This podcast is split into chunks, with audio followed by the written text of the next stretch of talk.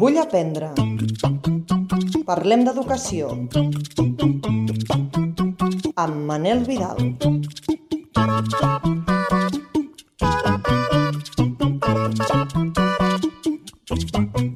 Benvingudes i benvinguts al 18è episodi d'aquest podcast educatiu. Em dic Manel i sóc mestre de primària. Em trobareu a les xarxes com a arroba mvidalpo. Avui, el tema principal d'aquest programa és la realitat augmentada i la realitat virtual. Així doncs, l'Eulàlia el començarà explicant-los aplicacions relacionades amb el tema i tot seguit el David Sobrinó ens explicarà diferents tipus d'ulleres que hi ha per a la realitat virtual.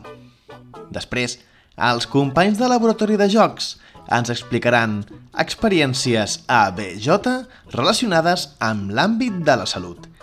I, tot seguit, conversarem amb l'Helena Bercher i l'Andrés Garcia sobre realitat virtual i realitat augmentada. Recordeu que teniu tota la informació a les notes del programa i a www.vullaprendre.org. Comencem? Perquè jo vull aprendre. I tu?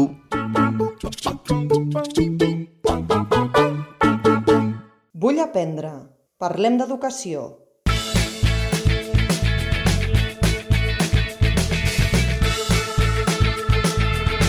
Tastet d'apps.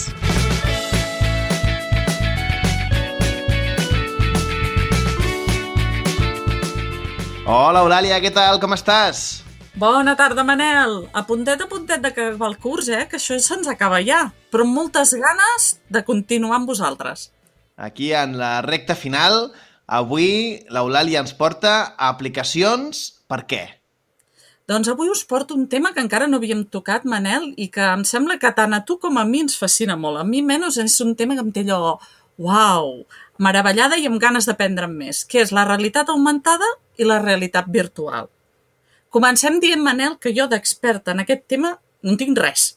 Però he començat a trastejar una mica amb realitat augmentada, m'ha anat superbé amb els meus nois i noies de segon de primària i he pensat, això ho hem de compartir. I per això us porto allò, 3-4 aplicacions que no us podeu perdre. Doncs comencem. Aplicacions de realitat augmentada que ens explicarà l'Eulàlia Canet. Endavant, primera aplicació. La primera que us porto és una per treballar el cos humà. Es diu Arlun Anatomy i ara mateix jo només l'he trobat per iOS. De fet, jo la tinc de fa anys i panys i la tinc amb Android, però ara no sé per què aquells misteris que té l'internet, que ara només hi està per iOS. És una app que us deia per estudiar el cos humà, el pots estudiar molt de prop, bé, el pots estudiar per dins pràcticament, i et permet, per exemple, fer el recorregut de l'aire que respires des de que t'entra pel nas fins que arriba l'últim racó del teu pulmó, amb una, amb, amb això, amb una situació, amb una, com dir-ne, amb una mena de recorregut virtual fascinant. Com diries, molt bé, fantàstic i meravellós. I la realitat augmentada, la part de realitat augmentada és que també et permet com projectar els, els ossos o els músculs o el sistema digestiu, projectar-lo entre cometes en un dels teus alumnes que estigui a l'altra banda de la pantalla. I això no em negaràs que per les criatures és un aprenentatge totalment divertit, significatiu, amè... Vaja, que els encanta treballar amb aquesta app. Doncs una app espectacular. Arlun Anatomy per iOS. Si algú la troba per Android, que la comparteixi. Segona aplicació. La segona aplicació la recomano molt moltíssim pels menuts de la casa, en aquells petits moments en què tenim la tauleta, i es diu Quiver 3D. La tenim per iOS i la tenim per Android, per totes dues plataformes. A veure, aquesta app els enamorarà, ja us dic ara, des del minut zero, perquè el que permet és donar vida a uns dibuixos que hem pintat. I clar, què més vols tu que veure aquell ninotet que està saltant pel prat, animat en 3D i que et saluda i tot? Com es fa això? Es fa amb una app que és gratuïta i amb, i amb uns dibuixos que podem imprimir des de la web de la mateixa gent de Quiver. N'hi ha uns quants que són gratuïts, poquets, i uns altres que són de pagament. És, vols la col·lecció de dibuixets sobre la cèl·lula? Doncs has de pagar un petit preu. Però, en canvi, n'hi ha tot un seguit d'altres que ja us poden fer el fet, que són gratuïtes i que això, que encanten a grans i petits perquè veure el teu ninotet animat, això agrada molt. Hi ha fins i tot el que us deia, dibuixets del, de l'estructura de la cèl·lula, dibuixets de volcans i el veus com entra en erupció. Està molt ben trobat i això, si aprofiteu la part gratuïta, us pot fer servei. Doncs Quiver 3D, per iOS i per Android. Tercera aplicació. La tercera aplicació es diu Wallamy jo l'he trobat per Android, per iOS m'ha costat molt de trobar, que no vol dir que no hi sigui, vol dir que jo no l'he trobat i és una app que ens permet amagar missatges secrets que seran visibles quan apuntem un lloc en concret. És allò que jo, Manel, et passo un codi i et dic, mira, mira, apunta't al lloc que veuràs una cosa i t'he deixat un missatge que apareix amb, amb això en realitat augmentada que diu, jo què sé, busca sota el calaix. Això ho podríem relacionar amb aquell programa que vam fer, no sé si era el, el 17è, que parlàvem de breakouts, doncs ens podria haver anat bé també aquesta app. També la podeu utilitzar, repesqueu el programa i afegiu aquesta, perquè també ens pot ser útil això, de cares a un breakout. Sí, era el setzè episodi que vam parlar posteriorment amb Cristian Negre, que l'Eulàlia ens va recomanar moltes apps, doncs podríem afegir Wallamy per utilitzar-la no? per aquests, aquests breakouts, aquests jocs d'escapament, i és per Android i per iOS, però no l'hem trobat. És el mateix que ens ha passat abans, eh? per Arlun Anatomy. Si hi ha algú que la troba per les xarxes i ens ho comparteix, nosaltres encantats d'actualitzar les notes del programa i la pàgina de www.vullaprendre.org. L'única part negativa que li trobo, Manel, en aquesta app és que va vinculat a una xarxa social abans estava vinculat a Facebook, ara últimament no he remenat gaire, llavors ens pot tirar una mica enrere, clar, si el vols fer servir l'aula, això de que estigui vinculat a un compte d'una xarxa social, mm, pot ser delicat. Vosaltres busqueu i remeneu perquè potser us compensa més eh, tot el que us ofereix i dieu, doncs mira, si ho he de vincular a un compte, ho vinculo i no passa res. Doncs ja sabeu, si no us importa això, que estigui vinculat a una xarxa social, endavant. I si trobeu la manera de saltar-vos això, ens ho expliqueu i així n'aprenem tots i totes. Doncs, següent aplicació. Em sembla que ara ja ens portes aquesta app que en diem la fricada del dia. Sí, sí, sí, sí. La fricada del dia d'avui es diu FX Guru Movie FX Director, que bàsicament vol dir uh, efectes especials d'aquests de cine. És una app que la tenim per iOS i per Android i ens permet enregistrar vídeos en què superposem unes, unes imatges en realitat així com augmentada, com podria ser eh, una imatge en què estan uns nens jugant pel pati i de cop els hi cau un satèl·lit del cel. Uh, per què us poso aquest exemple? Perquè jo ho he fet amb els meus nens de, de segon de primària. O bé també pots gravar el típic vídeo que envies a la família per Nadal i que el que en tot sortin uns, uns rens que estan ballant una cançó de Nadal superdivertida. divertida és una app, això, divertida, curiosa, friki, que té uns quants efectes que són gratuïts i uns quants que són de pagament. Creieu-me, amb els gratuïts podeu fer meravelles. Però si voleu fer el de pagament, tampoc és la despesa que suposa. És una fricada, però encara li podreu treure molt de suc. I es diu FX Guru Movie Effects Director. I la trobareu tant per Android com per iOS. Eulàlia, ens has explicat quatre aplicacions, però aquest món de realitat augmentada i realitat virtual és un món molt més gran, no? Molt més bèstia. És immens, és el que us deia. Jo tot just començo a navegar per aquest mar. Però saps què? Que jo tinc la immensa sort que tinc gent que en sap un piló i que quan necessito un cop de mà em diuen no pateixis, que jo t'explico aquesta experiència i veuràs com tu també ho pots fer. Doncs, Eulàlia, per què no et quedes avui a escoltar tot el programa que queda i a la part final els convidem i parlem amb ells. Perfecte, em sembla genial. Ens veiem d'aquí una estona. Fins d'aquí una estona.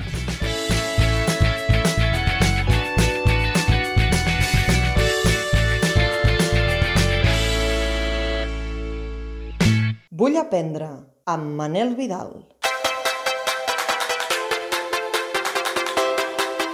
Tecnologia al dia.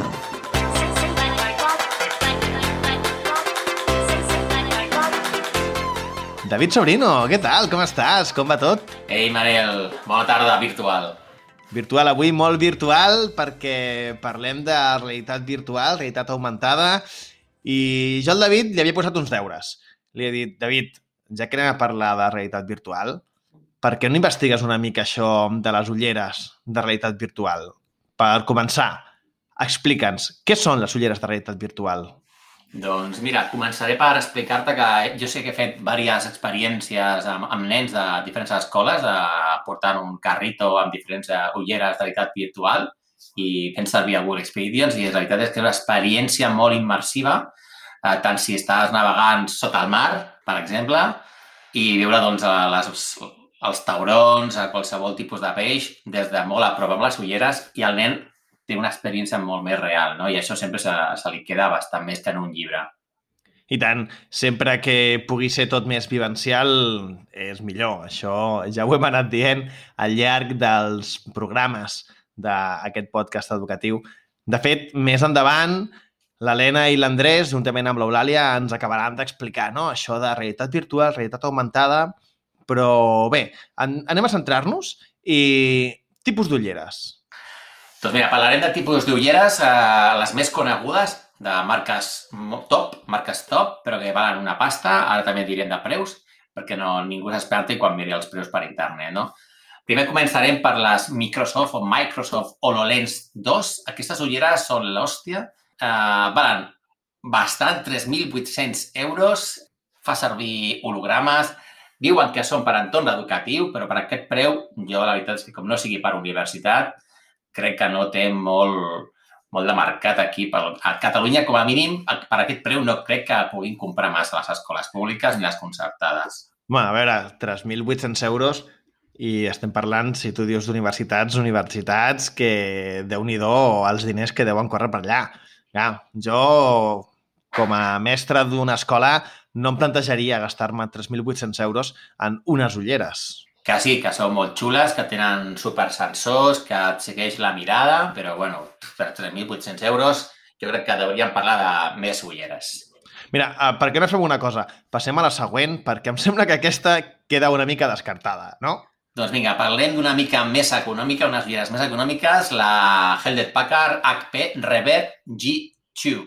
Aquesta, aquesta val 699 euros, ho podeu trobar a, a qualsevol tipus de botiga online, aquestes porten altaveus, un parell de panels LCD de bona resolució, quatre càmeres per fer seguiments dels moviments i uns comandaments, que, bueno, uh, està bé, però, bueno, jo crec que el preu també és una mica elevat. Sí, 699 euros, jo diria que deuen anar molt bé, però a mi com a mestre encara em semblen una mica cares, no? Hi ha alguna cosa una mica més econòmica? Vinga, va, tenim unes més econòmiques que són de Lenovo, que es diuen Mirage Solo VR, que valen 450 euros. Sense cable, sense telèfon, sense ordinador, són autònomes i molt còmodes de portar. A més, estan equipades amb el WallSense, que és una tecnologia creada per Google, i bueno, està bé, però bueno, no deixen de ser 450 euros i no ens cal un telèfon mòbil. Clar, aquí estem parlant que són ulleres que no ens cal un telèfon mòbil, sí? són 450 euros. De la mateixa línia d'aquestes Lenovo ja imagino que hauràs trobat també les típiques que coneixem tots, que són les de Samsung. Correcte, les Samsung, les famoses Samsung Gear VR, que també valen 450 euros, que és la que tot el món coneix per temes de videoconsoles i altres coses. Venen amb un petit comandament, que, que està molt bé per fer una sèrie d'experiències, de, però fa falta un smartphone per fer servir aquestes ulleres. I, però per preu, aleshores, jo prefereixo les Lenovo abans que les Samsung. Bé, uh, tot i així estem parlant de 450 euros. Encara ho trobo una mica car per portar a l'aula. Alguna cosa més econòmica? Bueno, tenim una mica més econòmiques, que són les Oculus Quest 2 de 350 euros. Aquesta una de les característiques principals que permeten transmitir en directe el que estàs fent amb les ulleres. Uh, tenen dos comandaments també tots per poder fer, doncs, fer un seguiment del, dels gestos que fas amb les mans però bueno, uh, també són 350 eurazos que no crec que sigui molt ideal per les escoles.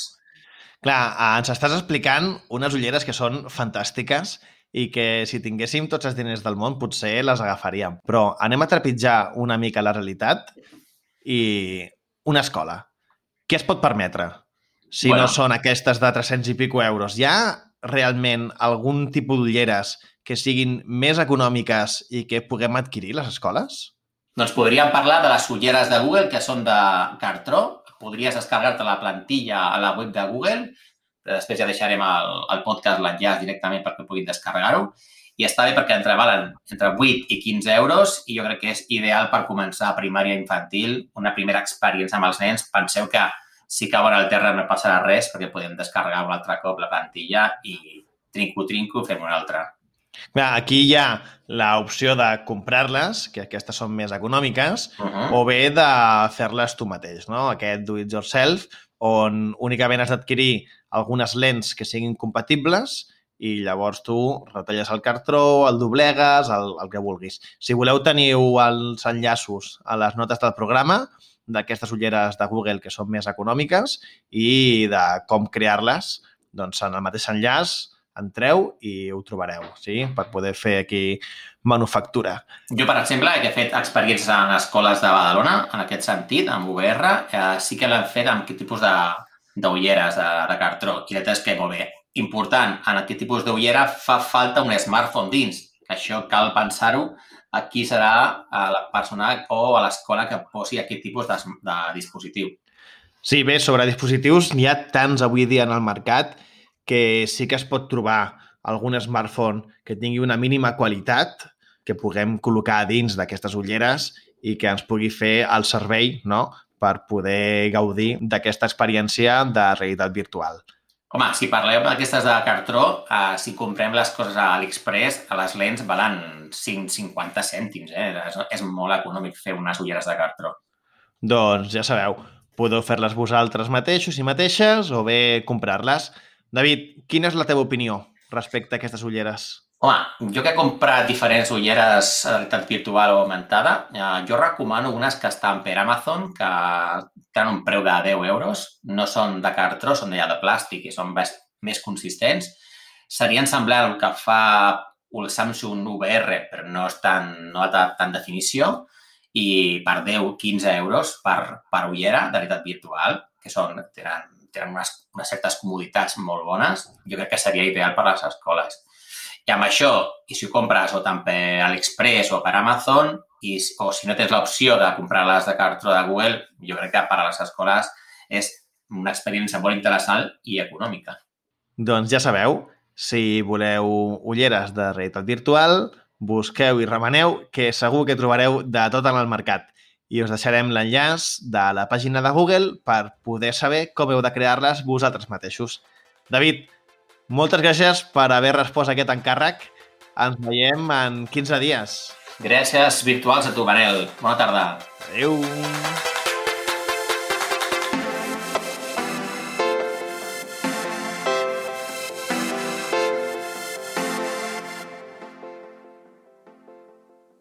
Vull aprendre.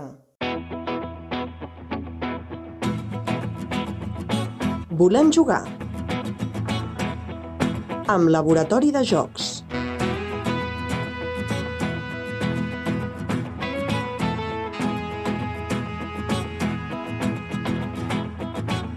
Companys de Laboratori de Jocs, què tal? Com esteu? Com aneu? Molt bones! Com anem? Bones. Que aquí ja, recta final de curs, aquí acabant d'embastar tot. Avui, què ens heu portat? Doncs ara que estem en plena campanya de vacunació, desitjant estar ja vacunats quan abans millor per poder-nos trobar de nou al voltant d'una taula, volíem parlar d'experiències que toquen temes de salut. Sí, sí. Avui us portem quatre experiències. Dues basades en jocs comercials, una adaptació d'un joc digital i una basada en un joc de producció pròpia, és a dir, dissenyat de zero per ser utilitzat a classe. Doncs ja van bé aquestes experiències. A veure, com ho han fet? Per on comencem? Començarem per les experiències amb jocs comercials. Ja veureu que pel tema que treballen totes encaixen al currículum de secundària. Només hi ha una que es va utilitzar també a primària. A la primera experiència vam fer servir un joc que és molt conegut. Eh? Es tracta del joc supervendes Virus. En Miguel Ángel, mestre de Madrid, va fer una versió d'aquest joc pensada des de tercer de primària fins a segon d'ESO. L'experiència es diu Good Food, adaptació de virus per a una alimentació saludable. El Virus és un joc de cartes competitiu editat per Trangis Games per a 2 a 6 jugadors, d'uns 20 minuts cada partida.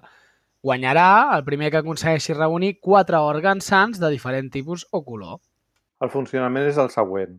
Cada jugadora rep tres cartes i al seu torn podrà baixar un òrgan a la seva zona de joc, protegir un òrgan amb medicament o enviar un patogen a un òrgan d'una altra jugadora.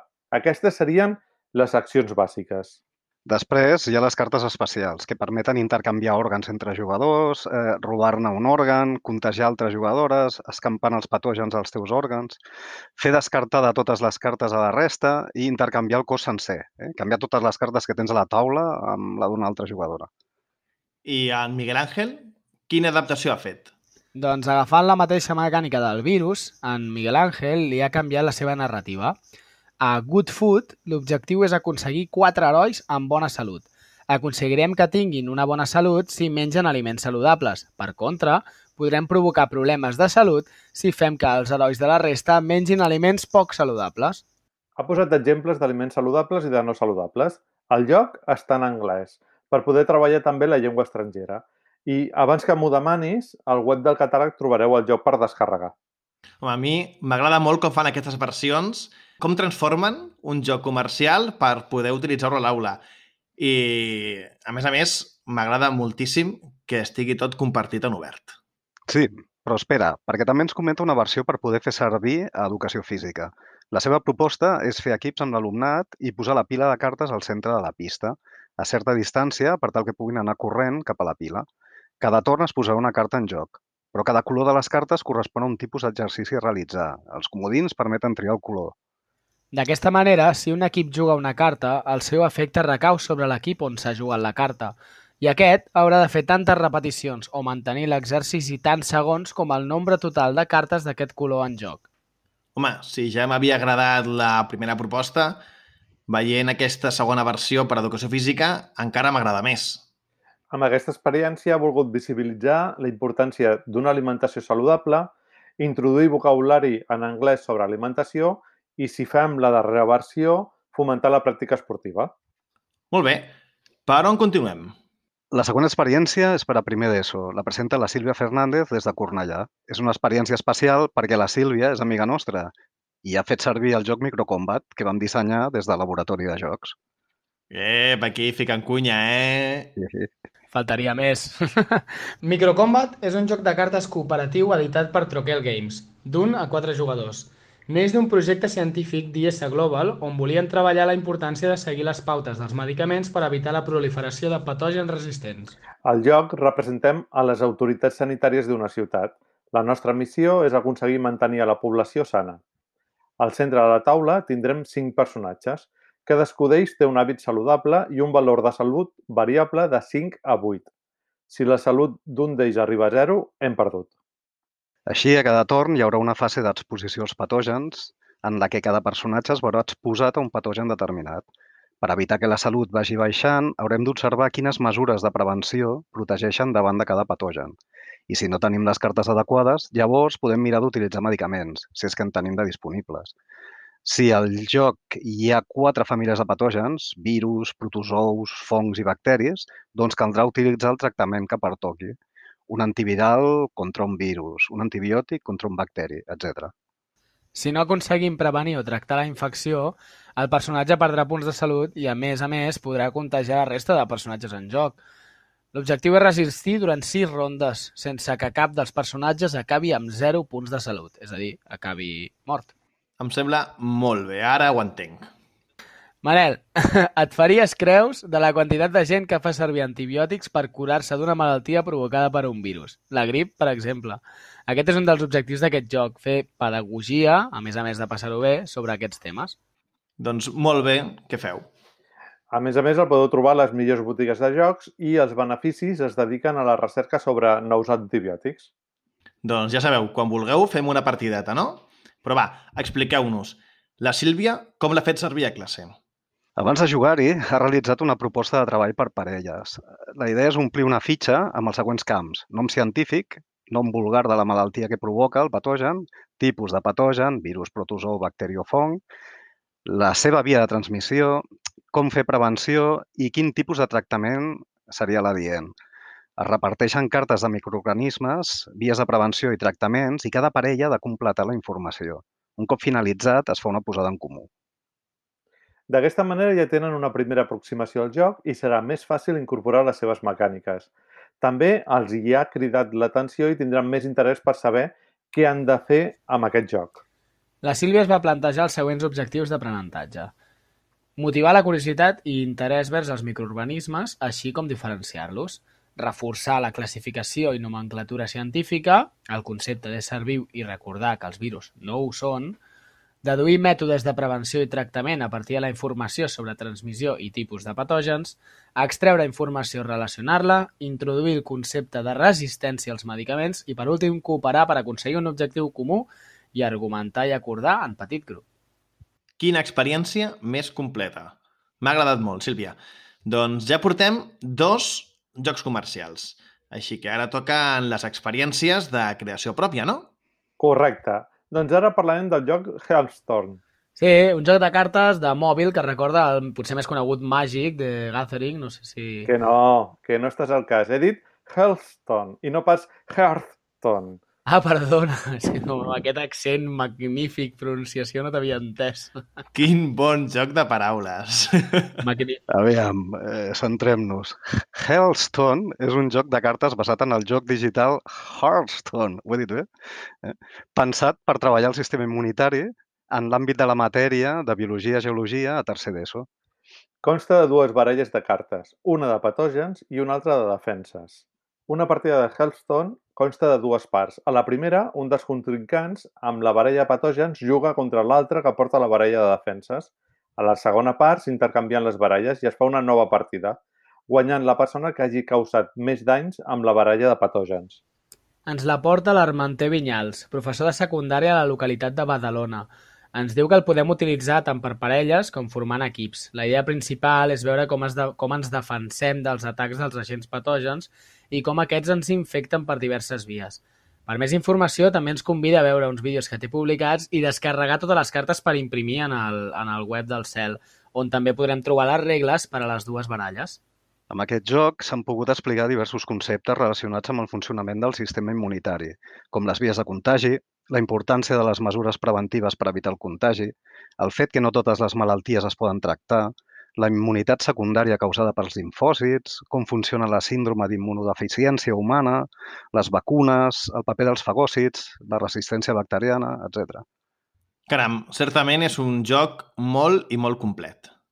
Sí, per últim ens deixa una sèrie de recomanacions. Al ser un joc complex, es pot aprofitar l'explicació per aprofundir en el funcionament del sistema immunitari i com ens afecten els diferents patògens i el mal que poden fer. Cal dedicar-hi com a mínim un parell d'hores i per acabar també es pot animar els alumnes a crear les seves pròpies cartes de patògens. Genial. Recordeu que si voleu accedir a les cartes podeu buscar l'experiència al cel o bé mitjançant les notes que trobareu aquí a les notes del programa, als enllaços. Doncs bé, ens queda alguna cosa més? Sí, sí, no marxem encara. Per acabar parlarem d'un altre joc que també tracta sobre el sistema immunitari. Immune és un joc de tauler creat per en Cesc Ayora, profe de Terrassa, per treballar el funcionament del sistema immunitari amb els seus alumnes de Biologia de batxillerat. El joc ofereix una visió global dels principals mecanismes de la resposta immunitària.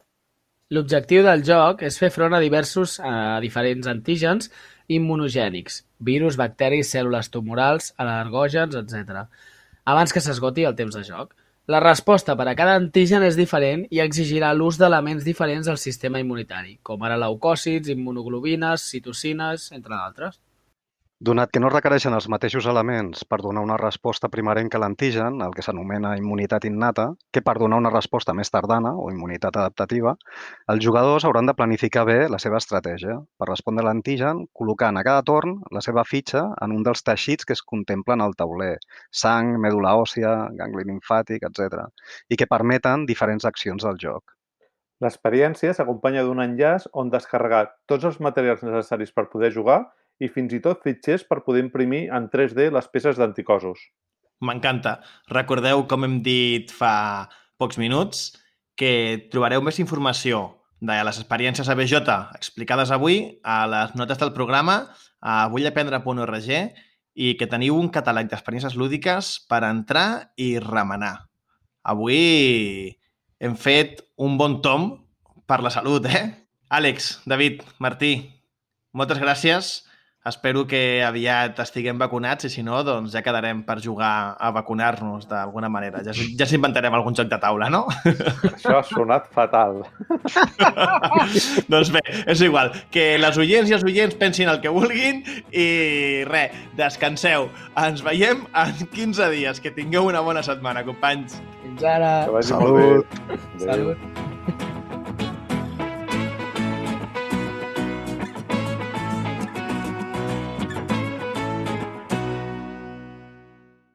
Vull aprendre amb Manel Vidal.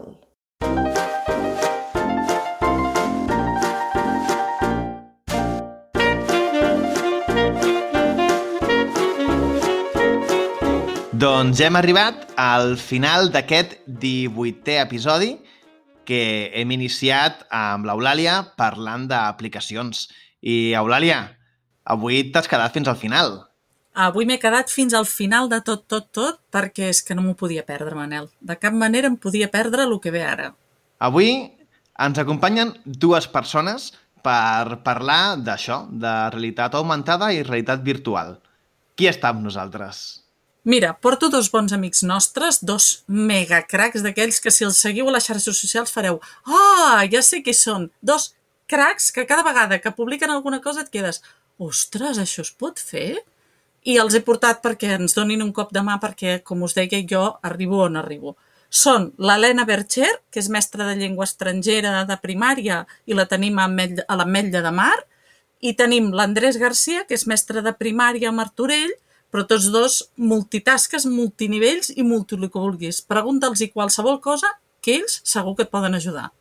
Helena i Andrés, és un plaer que estigueu aquí amb nosaltres. Amb l'Andrés vam compartir ja una estoneta en el programa especial de Tastet d'Apps i Helena és el primer cop que et, et tenim aquí al podcast, però esperem que no sigui l'últim.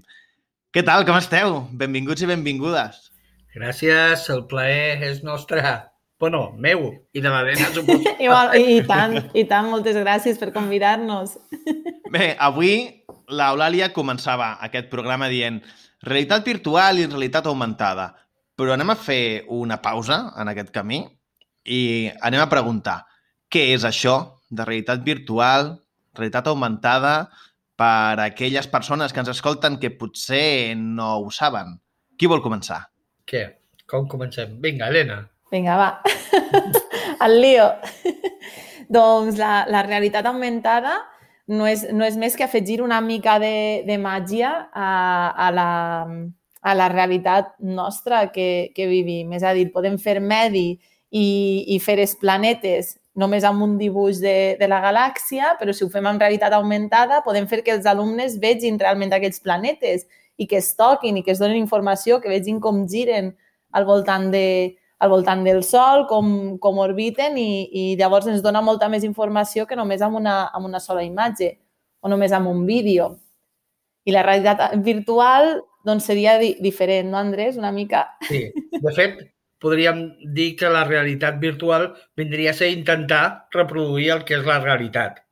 Normalment veiem amb dos ulls, ja semblava quan, quan algú en lloc de dibuixar va fer una foto va dir ostres, si això ja sembla real. O quan van començar les televisions diuen ui, hi ha una persona de veritat ficada dintre. Mica en mica són més exigents fins que van aparèixer les fotos en, en 3D, en, estere, en estereovisió, en estereoscopia o alguna paraula d'aquestes estranya, que ho veus, ho veus com, com si fos de veritat, no? Quan això se li va afegir eh, al moviment, dius, ostres, ara les teles en 3D. Uh, mica en mica han anat afegint el so, el, un so envolvent que sembla que... La qüestió és intentar fer que tu visquis allò que veus com una, com una realitat i que en realitat no ho és. Uh, D'aquí ve la paraula de virtual. Clar, fins i tot ara hi ha alguns, algunes, atraccions que et diuen no, no, realitat en, en 3D, en 4D, en 5D. Li van afegint Ds que, que de vegades el que fan és fer que sembli més real allò que tu veus, escoltes i de vegades doncs, et tiren aigua, eh, et, fan, et mouen les cadires perquè eh, vagin al, al moviment de, acompassat al moviment del que veus. Clar, eh, les possibilitats són una passada.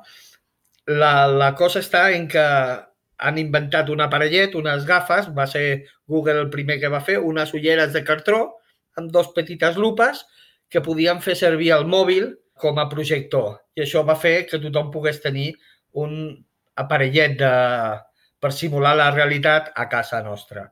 I aquí és on comença una mica l'aventurilla de que ara estiguem parlant d'això, perquè si ho podem tenir a casa, ho podem tenir a l'escola i de vegades ho podem fer servir per allò que és la nostra tasca, no? Realitat virtual, realitat augmentada, um, al final és tot un món, no? Per poder-ho introduir a l'aula. Avui l'Helena i l'Andrés uh, estan aquí amb, amb nosaltres per compartir què és allò que podem fer a l'aula respecte a aquestes realitats virtuals o augmentades o també que ens expliquin una mica la seva experiència de com ho han fet. Helena, ens expliques tu una mica? Sí, tant. Les, a veure, les possibilitats són, són endless, no, no, no s'acabarien mai. Tot allò que pugues imaginar ho, e, es pot fer. Vaja, es poden fer des de jocs d'escapament fins a, bueno, fins a experiències totals amb això. Nosaltres, algunes aplicacions així que fem servir no per crear realitat augmentada, sinó per, per utilitzar-la amb, amb, amb experiències que ja estan fetes, seria, per exemple, l'aplicació que es diu Explorer, que està per a, per a iOS i per a Android, i és una aplicació que s'utilitza per al Merge Cube. El Merge Cube, si, per, per aquells que, que no us sona gaire, que segur que, que sou pocs, perquè és, és xulíssim, és, una, és, una, és un cub amb, amb com, semblen com codis QR que, que es poden convertir en qualsevol cosa. I llavors hi ha una aplicació aquesta que es diu, que es diu Explorer, que l'han fet la, la gent que, que treballa amb el Merge, que la, la gent de Merge, que són els, els creadors, que, on es pot treballar el cos humà, els, els, l'espai, les parts de la Terra, es pot veure l'escorça, tot allò, i tenen algunes lliçons gratuïtes que, que es poden fer servir.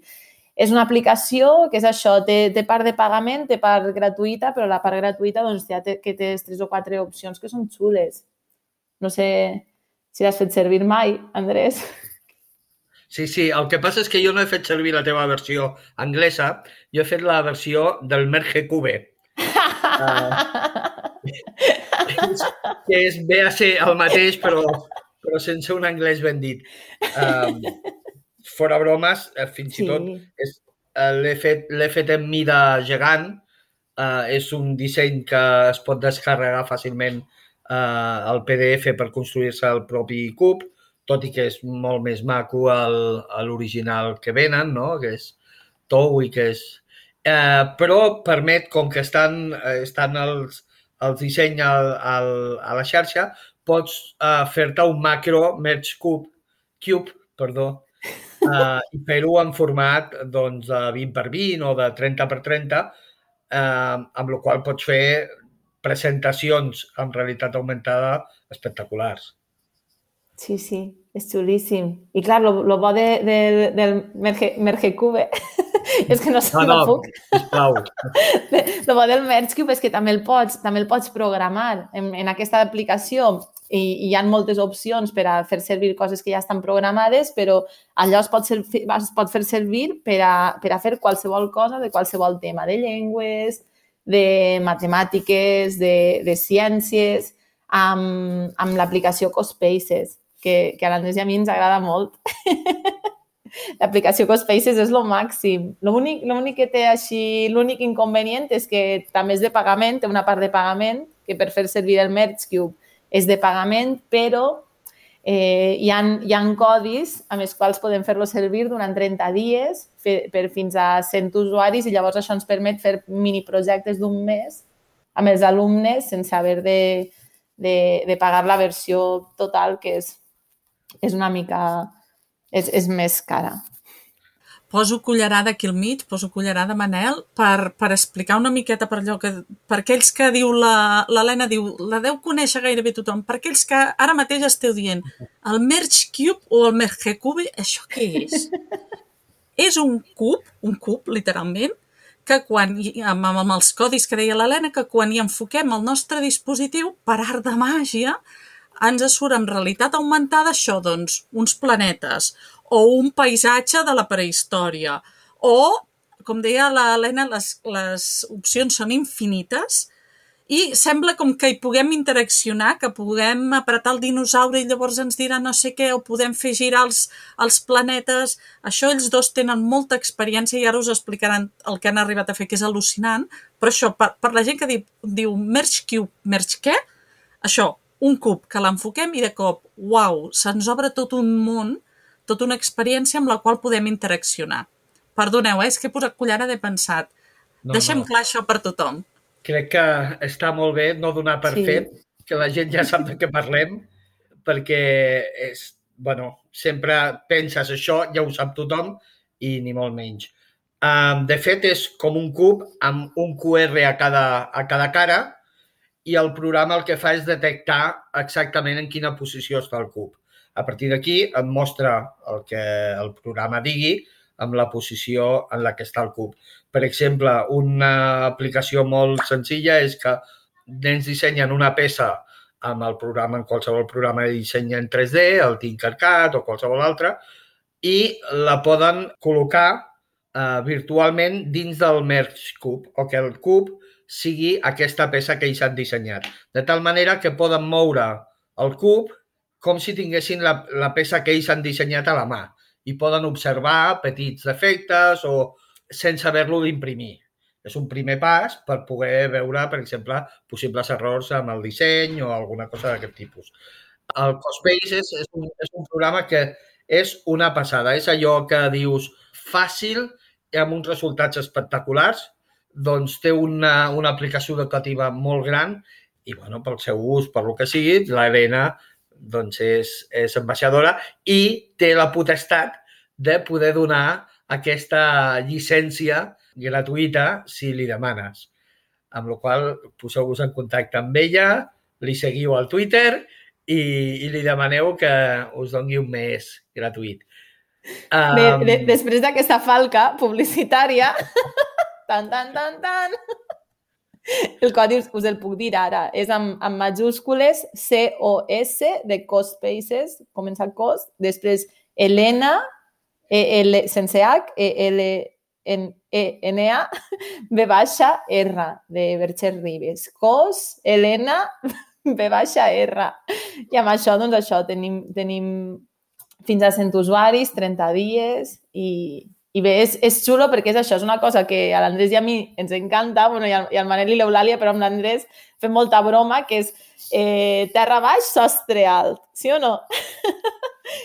Poden començar nens des de, des de primer de primària, eh, en primer encara, si encara no llitgen, poden posar cosetes, però després a l'hora de programar-ho doncs seria més tercer, quart, i, i, i poden començar des de zero, que als dos dies ja veureu que fan animalades. Es pot programar per a quan ens apretes que surti alguna cosa escrita, que facin, que facin concursos, que preguntei doncs, això, per exemple, amb els, amb els animals vertebrats i invertebrats que ho van fer a principi de curs, eh, tocaven una...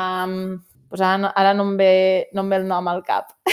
una estrella de mar. I llavors preguntava, eh, soc, soc vertebrat o invertebrat? O, o, per exemple, no sé, què menjo? I llavors ho contestaven. Si ho conte tenien, tenien diverses opcions i depèn de lo que contestaves, anava, an, desencadenava una reacció o una altra. Es podia fer gegant, desaparèixer, començar a girar, dir alguna altra cosa, que digués alguna altra pregunta. Al final podria, podia haver una cosa amagada al mig del Merge Cube i quan diguessis totes les preguntes correctes que, es, que, que sortís, que es el, el dibuix del Merge i que aparegués, que aparegués allò que hi havia dins. És a dir, in, infinites possibilitats. Per a les persones que ens estan escoltant, sí, no us preocupeu si no us heu quedat amb el codi, amb les pàgines que estan dient, amb les apps, perquè ho trobareu tot a les notes del programa i a www.vullaprendre.org.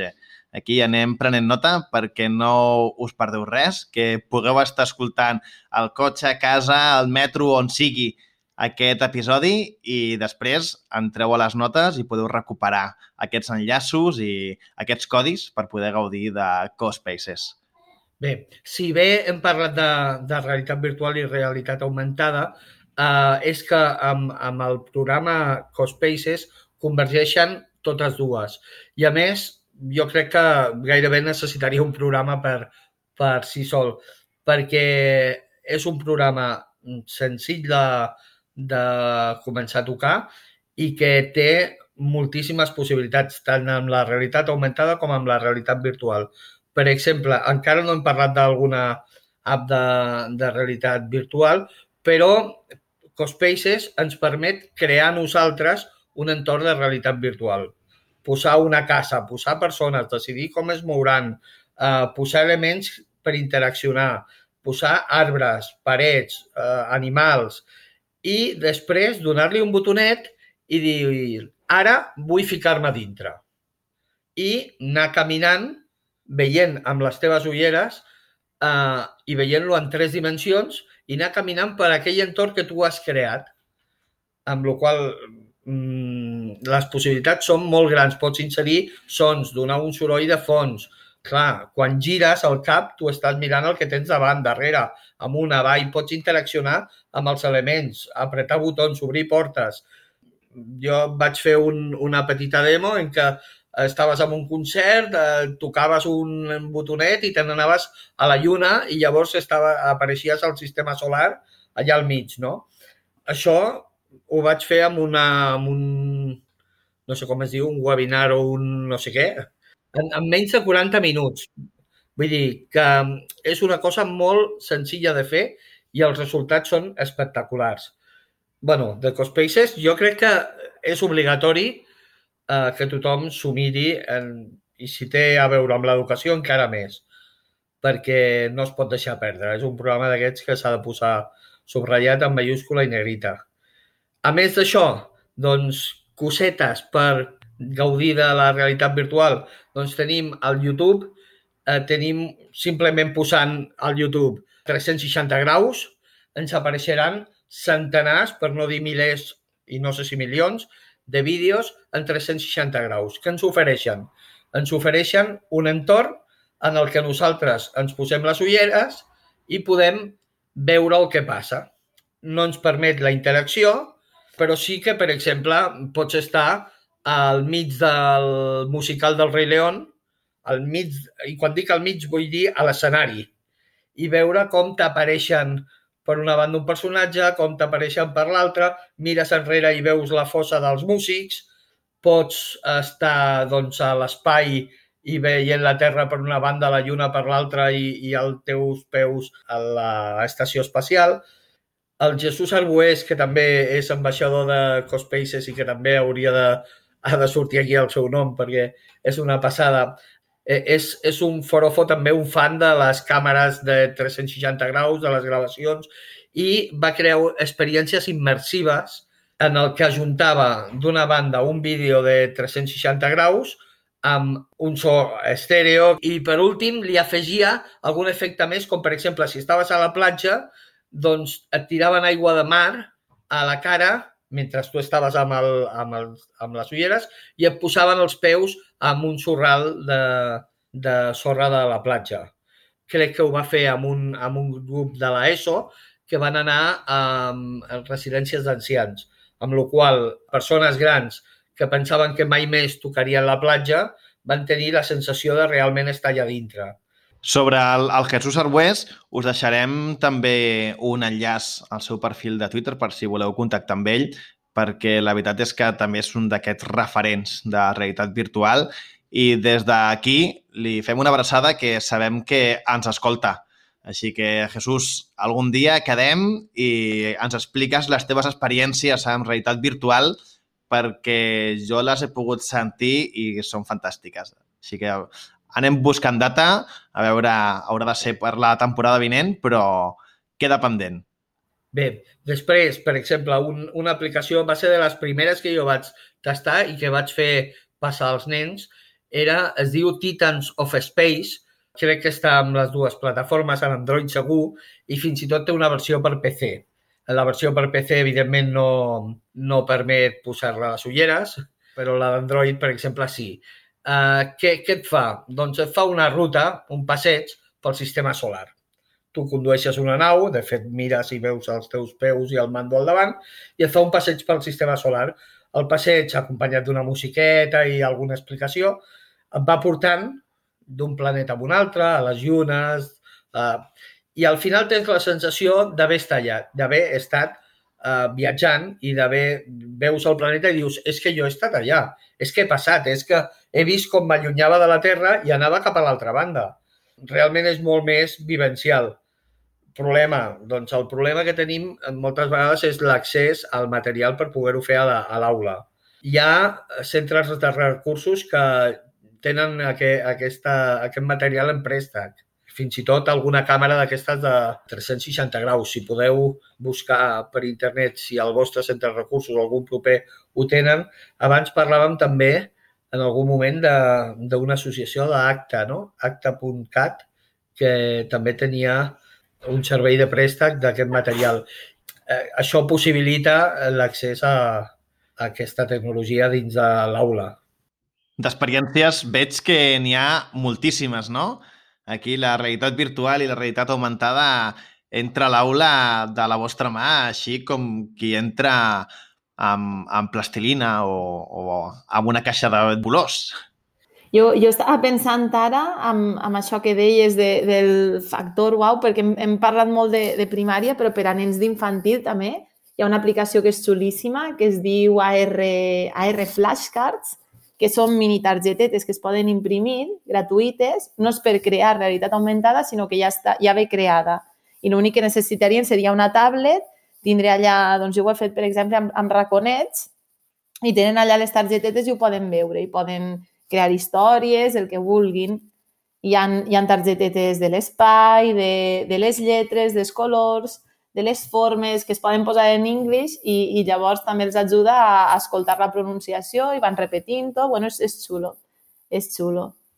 Hi ha una altra també per a crear realitat augmentada i, Virtual no ho sé. Jo només ho he fet servir amb, amb realitat augmentada amb el, amb el mòbil i la tablet, que és, que és metavers, metaverse, que, que és xulíssima també.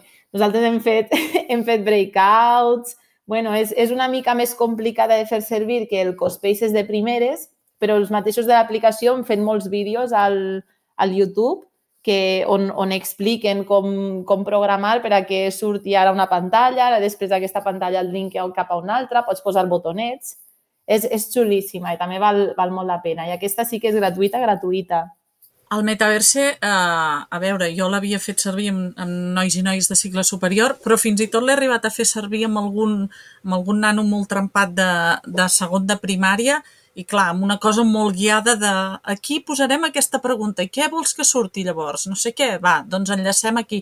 Molt guiat, potser ho deixaríem jo per un cicle mitjà, superior perfectíssim, i un mitjà guiat i acompanyat també. I el que deia l'Helena és que agrada molt poder enfocar i de cop veure aquella pregunta, aquell astronauta que et pregunta escolta, quin era el planeta que no sé què? És molt interessant, els enganxa molt. Helena, perdona, segueix, bonica. Sí, sí. No, sí, que és, que és xulíssim. I també pots afegir pantalles on, on linka directament amb la, amb la càmera i poden fer-se fotos, després fer un mur allà, eh, com, com un menti en realitat augmentada, on posen les seves respostes. Bueno, també té moltíssimes possibilitats i és, és xulíssim el metavers. Avui, realitat virtual, realitat augmentada, em dóna la sensació de que hem fet un petit tastet no? de tot un univers que és enorme. O sigui, aquí podríem continuar allargant aquesta conversa durant molt, molta més estona perquè segur que ens hem deixat d'explicar moltíssimes coses. De fet, és tan enorme sí, sí. que és infinit. Vull dir que l'univers virtual és infinit. El físic ho desconec però el virtual limita només la memòria i la capacitat d'imaginació. Les eines hi són. i, i no s'acaben, eh? No s'acaben. És que, per exemple, amb el Match Cube, Cube i és la, un parell d'aplicacions impressionants pel cos humà, per nens petits, que es diu... Uh, Mis, Bueno. Mr. Mr. Body, sí, no? Sí. sí, Mr. Body. Mr. Body. En què, en què pots, tens els diferents sistemes molt eh, aparells de, del cos humà molt simplificats, però els tens a la teva mà. I, i això també està molt bé. El, el, el truc eh, per treure-li profit, a part d'utilitzar el Cospaces, és buscar qualsevol cosa que posi merge, merge, si ho busques aquí, al, al buscador. I trobaràs centenars de recursos, la majoria gratuïts, altres de pagament petit, i està per, per totes les plataformes i funciona molt bé. Funciona molt, molt, molt bé. Bé, doncs ja ho veieu. La realitat augmentada i la realitat virtual és un univers encara per descobrir. Així que, Helena, Andrés, moltes gràcies per acompanyar-nos avui. Eulàlia, moltes gràcies per haver-los convidat i esperem poder continuar parlant sobre aquesta realitat virtual i aquesta realitat augmentada en un futur. Que tingueu molt bona setmana i gràcies per haver estat aquí amb nosaltres. Moltes gràcies, nois. Moltes gràcies a A vosaltres. vosaltres, encantat. Sí. Que vagi bé. Adeu. Adéu, gràcies.